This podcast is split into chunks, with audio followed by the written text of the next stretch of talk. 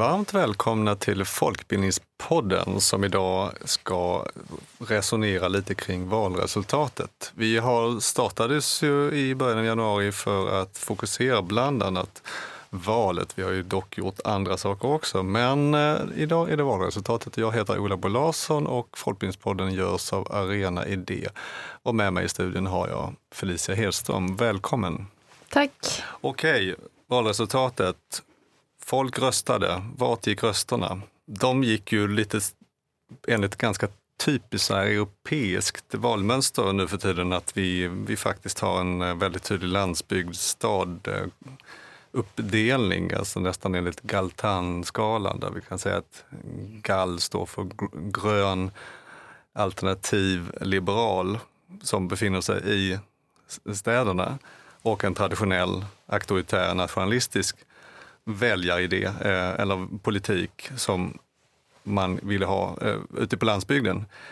Så att vi kan ju säga att SD tog väldigt mycket röster från såklart som det har varit tidigare från arbetare, arbetslösa, sjukskrivna så, men de också tog från eh, lantbrukare, från småföretagare, alltså inte bara Socialdemokraterna förlorade röster utan även Centern och Moderaterna och så vidare. Yeah. Samtidigt så ser vi också eh, i städerna att, att Socialdemokraterna tog många röster från Liberalerna. Så att eh, där ser vi en typisk, eh, också en utveckling där, där Stockholm till exempel blir mer som övriga europeiska huvudstäder som Mer rödgrön alltså? Mer rödgrön. Mm.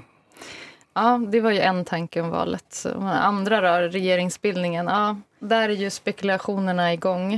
Eh, det har gått från att, Eh, att vi tittade på mandaten och nu har vi landat i att eh, Moderaterna tillsammans med SD, och KD och Liberalerna ska försöka bilda regering. Ehm, jag tänker att det har varit kanske en förhoppning från andra sidan har det varit då att de ska inte klara det här för Liberalerna. Det har ju pinpointats lite vilka liberaler står pall för det här. Det har varit mycket gruff i eh, Europaparlamentet. Man har funderat på vad sysslar ni med där i Sverige när ni allierar er med Sverigedemokraterna. Ehm, men jag tänker att det lika gärna kan vara så att de är sampratade. Det här har ju varit en realitet som, som vi har förstått ganska länge att det kan bli så här. Så att eh, ja, det skulle kunna bli att det blir svårt att få ihop något men det, jag tänker att det kan lika gärna vara att de är sampratade och får ihop det. Det är väl just Liberalerna som är lite skakiga, om de får ihop sin grupp och eh, att det inte blir något vildar och så. Mm, just det, Johan Persson var ute eh, nu i media och, så, och sa att det här kan ta lite tid. Men annars så eh, har jag nog också varit inne på din linje. Jag tänker att det inte är helt omöjligt att det ligger en budget i november som M, KD, SD, L, regering, eh, eh, inte tvunget regering utan eh, ett underlag. Yeah. Eh, så det var väl den andra grejen kring regeringsbildningen och där känns det väl som att det får vi återkomma till såklart i mm. Folkbildningspodden. Men om man tänker den tredje tanken om valresultatet då, Ola, vad skulle du säga då? Ja, alltså innan vi pratar liksom vilka områden, så där, för det, det, skulle jag vilja bara ta upp lite politikområden. Men innan jag säger någonting om det skulle jag bara säga en sak som jag tycker är viktigt för folkbildningen och det skulle kunna vara att, att eh, precis som i en del andra länder i Europa, att man har eh, konservativa partier som har blivit inspirerade av extremhögern en radikaliserad konservatism. Det har vi. Eh, och, men jag skulle också vilja säga någonting om Sverigedemokraterna, för jag tycker det är lite viktigt att de har ju, finns ju en del Sverigedemokrater. Väldigt många som har, en del av dem som har röstat på Sverigedemokraterna i riksdagen har inte gjort det i kommunalvalet och det tycker jag är någonting att ta med sig lite längre fram när vi tar de andra tre punkterna. Eh, kan återkomma till det, men, men det tycker jag är också något man kan se i resultatet. Både när det gäller eh, regionalt och kommunalt. Ja, vilka politikområden? Ja, men du pratade ju om att de har förberett sig och det, med i valdebatten var det tydligt att det, det, det, de måste ju nu leverera eh, svar när det gäller energi, när det gäller asylfrågor, när det gäller brott och straff. Och det, det, det, är väl tydligt. Och sen, så, sen är ju frågan då, kommer de att, att leverera politik redan tidigt 2023 när det gäller biståndet, kulturen eller folkbildningen? Nej, det har man sett direkt efter valet just kring kanske public service som är en sån där eh, fråga som är... Den är lätt för många att tycka någonting kring eftersom många har inblick i vad som händer eller i alla fall känner till begreppet. Det kan ju vara svårare att tycka något om energipolitik men public service, man har tryckt på SVT någon gång. Och då gick ju Sverigedemokraterna ut ganska hårt direkt efter valet och lyfte den i olika sammanhang. Det tänker jag inte är en slump, för, eller slump, de, de har varit tydliga med att de vill, de är ingen vän av public service. Eh, så att den tänker jag absolut att det är eh, jämte brott och straff och biståndet och asylfrågan och så, så är det en sån. Eh, och sen så är ju Sverigedemokraterna något som de varit duktiga på alltid, det är att prata kultur. Vi har väl oftast tagit spjärn mot det, och särskilt i Folkbildningspodden eftersom de kanske inte vill skjuta till pengar. Men jag tänker att de förstår vikten av kultur för att de ofta lägger förslag kring det och så. Sen så kanske jag inte alltid håller med om att det är den kultur som ska satsas eller hur de ser på kultur. Men de förstår att det är en viktig fråga som formar oss människor och att den är viktig när man i ett samhälle för att hålla det samman och så. Så att den frågan tror jag att de kommer fortsätta driva om de sitter nu eh, tillsammans med Moderaterna, KD och Liberalerna.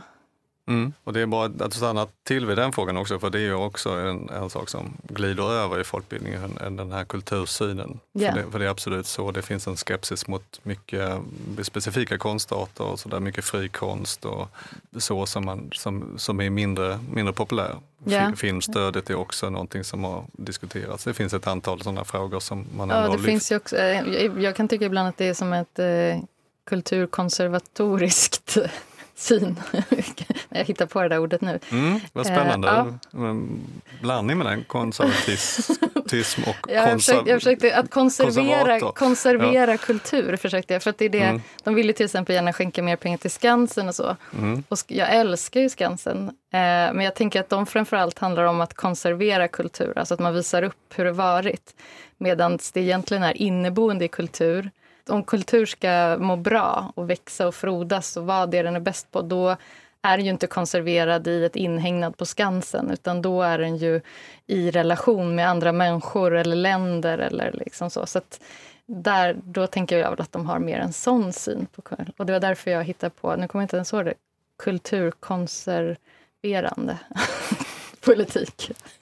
ja, ja men absolut. Frågan är då bara om, om det finns, om kulturfrågan är och folkbildning och bistånd är frågor som inte har lika hög status. Så att vi, vi kan ju tänka oss att de kanske, Kristdemokraterna som har stått för biståndet tidigare, kanske inte ställer upp, står upp för det tillräckligt nu när det finns andra viktiga saker. Så att där, där befinner vi oss lite i samma båt med de här områdena. Ja, då kan vi ju nästan gå vidare till tre saker som kan eh, drabba folkbildningen då?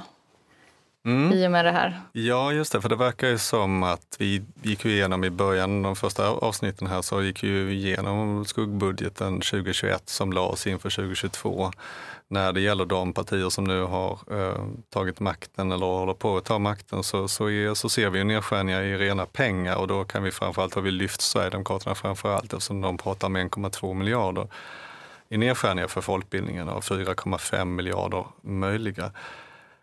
Så det är väl någonting väldigt konkret och det är naturligtvis inte så att det kommer att hända. 1,2 miljarder kommer det inte bli tal om. För de andra partierna har ju inte, om vi tar Moderaterna nu som har, som har den troliga framtida statsministern här, pratar ju kanske inte så mycket pengar utan hellre former för folkbildningen. Men eh, det är ändå så att det har funnits bland moderater framför allt, men även kristdemokrater och, och, andra partier. Så i lokala exempel, vissa kommuner så vet vi ju sen, speciellt då studieförbunden vet ju detta sedan lång tid tillbaka, att man har skurit ner och tagit bort kommunbidrag, men också ibland haft en ganska ointresserad hållning till folkbildning och tyckte att den var överflödig och så. Ehm, speciellt Moderaterna och ehm, där håller ju Sverigedemokraterna med. Så där, där har vi ett orosmoln helt klart när det gäller nedskärningar eh, av verksamheten. Vi vet att både Moderaterna och Kristdemokraterna har också summor som de ser att här, här, här tycker de att den ska, vi ska ha mindre än vad vi har haft så att säga. Och Liberalerna är ju, vänder sig direkt till exempel mot de nya pengarna som folkhögskolan fick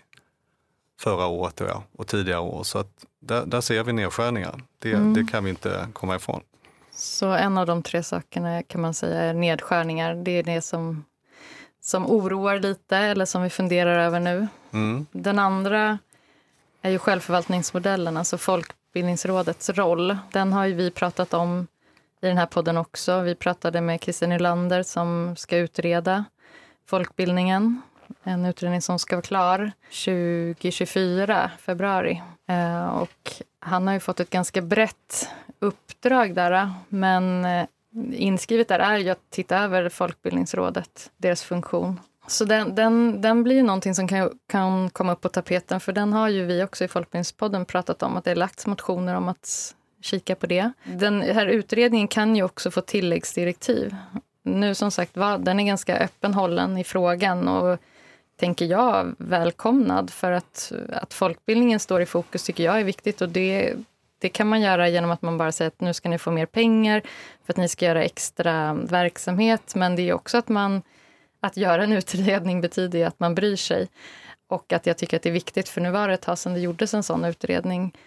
Eh, men det vore synd om, om det inte får fortsätta ha den här öppna hållningen så att man kan ta ett ordentligt grepp och komma fram till någonting som kanske blir bättre än om politikerna går in och styr för mycket. Det svar man vill ha. Så att tilläggsdirektiv är ju en sån där grej som kan hända på vägen. Um, ja, så det som vi började med nedskärningarna så är det också just uh, självförvaltningsmodellen. Vad som kan hända med den och hur synen på det kan kanske förändras under mm. den här tiden.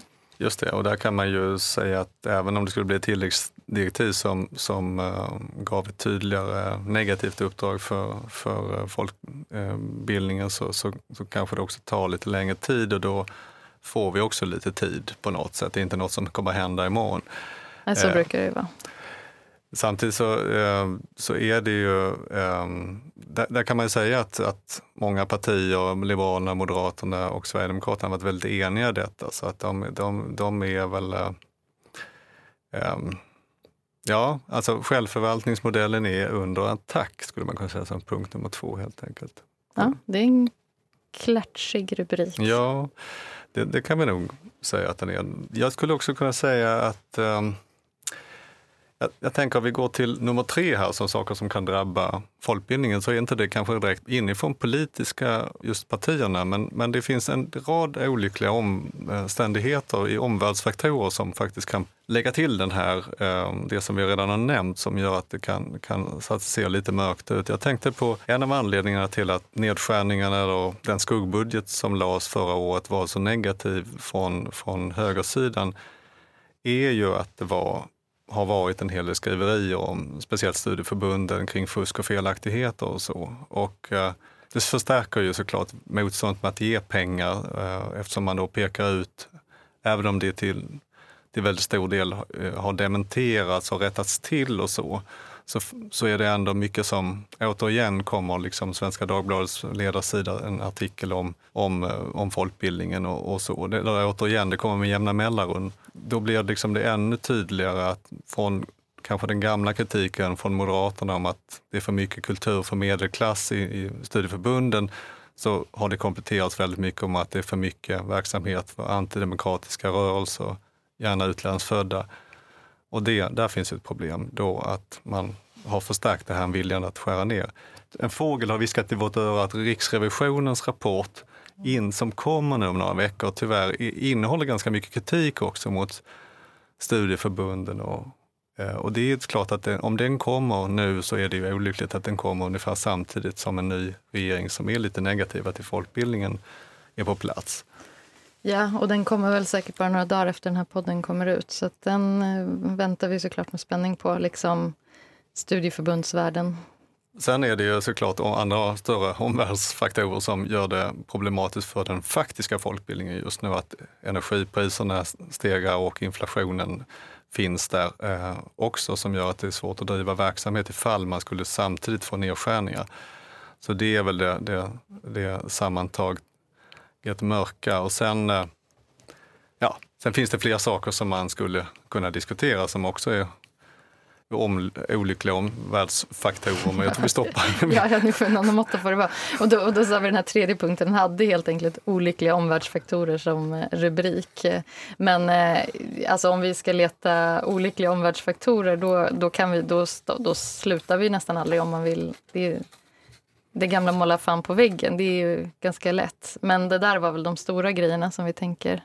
Så jag tycker eh, att vi ska gå raskt vidare till det ljusare avsnittet. Eh, det är om tre vägar framåt för folkbildningen. Den första punkten där skulle vara faktiskt att samla sig och lägga tid på scenarieplanering. Alltså hur kan det se ut framåt? Det som vi har ägnat några dagar åt nu, som jag tänker runt om i folkbildningen att man såklart har gjort på sina olika folkhögskolor, olika studieförbund och lokalt och regionalt och sådär. Eh, och, och då behöver man kanske sätta sig i arbetsgrupper. Man behöver sätta sig om man är anställd, man kanske är en deltagare i en studiecirkel eller på en folkhögskola. Och så kan man väl skissa lite på det här. Vad, vad kan hända nu? Vad innebär det här? Och kolla så här, vilka verksamheter är ja, vilka verksamheter är hotade då? Eller vilken är inte det? Ja, och, och då, då får man väl göra också... Nu, det lät ju inte så ljust det här kanske, men jag tänker att man gör det lagom mycket. Man också kollar på, när man lägger de här scenarierna, så är det ju inte bara just att måla det svart utan också se men vad kommer vi fortsätta med. Det är ju, folkbildningen gör ju mycket bra som man inte kommer ta bort på en gång. Vi har varit väldigt snabba, hela folkbildningen, att mobilisera nu i och med Ukraina och det har vi varit i andra kriser. Eh, under covid så fick ju folkbildningen nu jättemycket pengar för att göra verksamhet när det är skakig arbetsmarknad och vi har en minoritetsspråkssatsning nu som vi har fått mer pengar för att tänka ut hur vi kan göra, vad bidra till det. Vi har ju sedan tidigare olika kurser kring estet, våra estetiska kurser, våra familjekurser. Vi, har, vi kan kring funktion, olika funktionsvariationer både inom folkhögskolan och folkbildningen i stort. Ja, jag tänker att man behöver sätta sig kanske och fundera på det här eh, och vara så där la, lägga lagom mycket tid på det. För att eh, vi vet ju inte riktigt och vi, även om det går snabbt här att bilda regering så är inte det säkert att vi, vi vet inte heller riktigt hur snacket går och vilken budget som läggs nu kom, eh, kommande år och sådär. Och som sagt den här eh, folkbildningsutredningen som är på gång nu, den, den ska förhoppningsvis så väntar politikerna in den lite också. Ja, så det var väl den första vägen framåt. Mm. Så, ja. så lagom, lagom mycket helt enkelt. Men utifrån att det kan vara så att om en månad så sitter Moderaterna och Socialdemokraterna och styr det här landet, för vi vet inte riktigt hur det är. Nej, det här är ju, det är ju tjusningen med att spela in en podd när man eh, valanalyserar mitt i det så här att eh, vi kanske får äta upp vår hatt. Ja, men om det nu ändå är som vi tror att det är så, så är det punkt nummer två vi har tänkt här, att det, då tänker vi gå tillbaka till rötterna. Alltså lär av historien. Vi är folkbildare och ta vara på den kraft som en gång har vi haft och en gång, ja, som vi fortfarande har, men som, som fanns en gång i början. Precis som nu, det fanns inte det var stentuffa konfliktlinjer mellan till exempel arbetstagare och arbetsgivare i början av arbetar, och, ja, rörelse, rörelse, folkrörelsernas tid. Och då var det viktigt att då kunde man verkligen få fram sina viktigaste frågor. Så, så det, det är väl bara en fortsättning på det som Felicia sa här nu. Vad, vad vilka är era viktigaste frågor? Att det fanns en tid då man inte hade statsbidrag och man bedrev folkbildning utifrån att man ville någonting. Och vad är det vi vill ytterst här? Jag nämnde tidigare det här med SDs eh, väljare eh, och eftersom SD är ett team med rasistiska rötter så är det många som, som så är det någonting speciellt som både har förvånat folk i, utanför Sverige och även en hel del av oss svenskar som tänker rätt mycket på det, vad det får för konsekvenser, att det skapar en rädsla och så vidare. Men jag tänker att det finns en skillnad, att folkbildningen måste skilja mellan Sverigedemokratiska partiet och de sverigedemokratiska väljarna. Och jag tänker att en del sverigedemokratiska väljare, som jag sa tidigare, har röstat mot Stockholm, precis som Trump-väljare röstar mot Washington, en del av dem som ett slags missnöje och, och, och så. Och, eh, det är en jättesvår avvägning att förhålla sig till detta, men, men man får ändå tänka att en del SD-väljare behandlas på ett sätt som att de varken de saknar både liksom, medmänsklighet och hjärna. Och jag tror inte att det funkar så riktigt utan det finns en del, det finns en del som absolut är, är svåra att nå men har ett engagemang och en välvilja men saknar ibland kunskap. Och precis så har det ju alltid varit inom folk, när folkrörelserna har jobbat med, med att in, införliva folk i en demokratisk diskussion. Och jag tänker att det är viktigt att söka upp de personerna, att använda pedagogik och inte retorik enbart. Jag, å andra sidan så, så, har vi också det här med rädslan som för, för vad som kan hända. Så då är det också viktigt hur vi hela tiden står upp för oss själva eller hur vi talar med varandra. Så om man inte har det så kanske en uppförandekod på respektive folkbildningsenhet är någonting bra att jobba fram i det här klimatet som är ganska tufft just nu. Det var en sak, gå tillbaka till rötterna. Det var, ja, en andra, ett det var andra den andra tips. vägen Mm. framåt. Där, som vi, vägarna är ju framåt, men man kan gå tillbaka helt enkelt till rötterna. Då. Men tre då? Ja, det är väl eh, möjligheten att tro på den, att påverka befintliga politiker. Eh, jag vet att studieförbunden har gjort en del matnyttiga rapporter eh, kring det här. Hur, hur ser politikerna, alltså oftast på lokal nivå eller regional nivå, på studieförbundens verksamhet och så. Eh, och jag tänker att eh, det man kommer fram till och det som jag tänker är ju att att, att eh, politikerna finns ju där och de går ju att påverka. Och är det många politiker som inte har varit inne i, i folkbildningen så gäller det ju att vi berättar vad vi pysslar med och vad vi tänker. Eh, och, och som du sa förut, så det har ju skett skiften i många delar av landet. Eh, regionalt eller i kommuner brukar det hända mycket. Lite oavsett val så kan det komma in nya partier och nya som sitter i kommunfullmäktige. Och då har man ju chans nu i början att hugga sina politiker och berätta eh, om folkbildningen. Eh, att kroka arm med andra eh, inom folkbildningen är bra. Vi är många, det är bra om det syns. Att man går samman mellan folkhögskolor eller mellan studieförbund och folkhögskolor. Eh, och att liksom visa upp sig, att eh, ja, men uppvakta sina politiker. Mm. Det är ju många politiker som... eh, Det, eller det är så det funkar, men jag tänker att vi glömmer bort det lite. Och att vi kommer ihåg det inför val. Men särskilt nu efter valet är det ju viktigt att vi gör det. Mm. Förra avsnittet så handlade det om vad vi i Göteborg jag pratade om Göteborgs eh, kommun och att vi hörde att, att Ibn Rushd i, i väst tyckte att eh, kommunerna, i, eh, politikerna i Göteborg var faktaresistenta när det gällde liksom att förklara Ehm, för att, för att liksom göra utredningar av, av de här anklagelserna som, som de stod inför. Och det är klart att det, det finns ju en rädsla för att man inte når fram, men vi, vi kan ju inte ge upp det utan vi måste ju tro eh, du, du nämnde ju att studieförbunden jobbat mycket och så. Folkbildningsrådet har ju faktiskt tagit massor av steg när det gäller det här fusk och felaktigheter. Så att man, det är viktigt för alla politiker att få, få känna till det, vad som faktiskt gjort. Och vi har den här eh, Ja, Folkbildningsrådet har ju också gjort eh, seminarier och alltså deras eh, informations eller arbete är ju såklart jätteviktigt. Men, Mm. Och jag tänker att det ska de fortsätta göra och göra bra som de har gjort. Men att också enskilda aktörer har ju möjlighet att berätta. Det är det jag tänker, att enskilda aktörer använder Folkbildningsrådet, pekar på det här är gjort, vi har en visselblåsarfunktion, vi, har, eh, vi har flera anställda som kollar upp felaktigheter, vi har eh, en, en kulturminister som har sagt att vi ska ha ny demokrativillkor för hela civilsamhället som gör att, att den här typen av, av saker inte kommer hända eh, som, som har lyfts tidigare, så att man, man hela tiden förmedlar den informationen för annars är det lätt att det bara tuggas, tuggas om och om igen som det gör, gör lite grann nu på vissa ställen. Mm. Tre, tre, tre saker som ni kan använda framåt alltså, om eh, according to us. Us.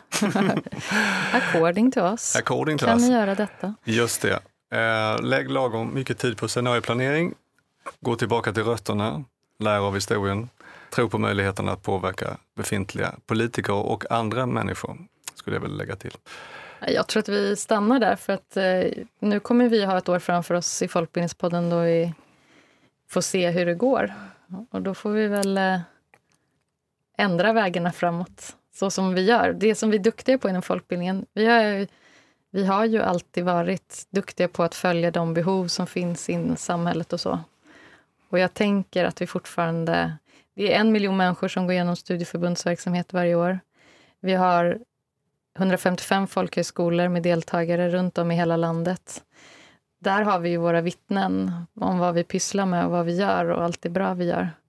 Så jag tänker, de är också viktiga ambassadörer, även nu. Jag tror vi pratade om det inför valet, men även nu efter valet. Ja, men det tycker jag får bli det sista vi säger här idag. Vi tackar så hemskt mycket för att ni har lyssnat. Eh, vi i Folkbildningspodden kommer ut varannan vecka och vi görs av Arena Idé. Ha det bra till nästa gång. Hej då!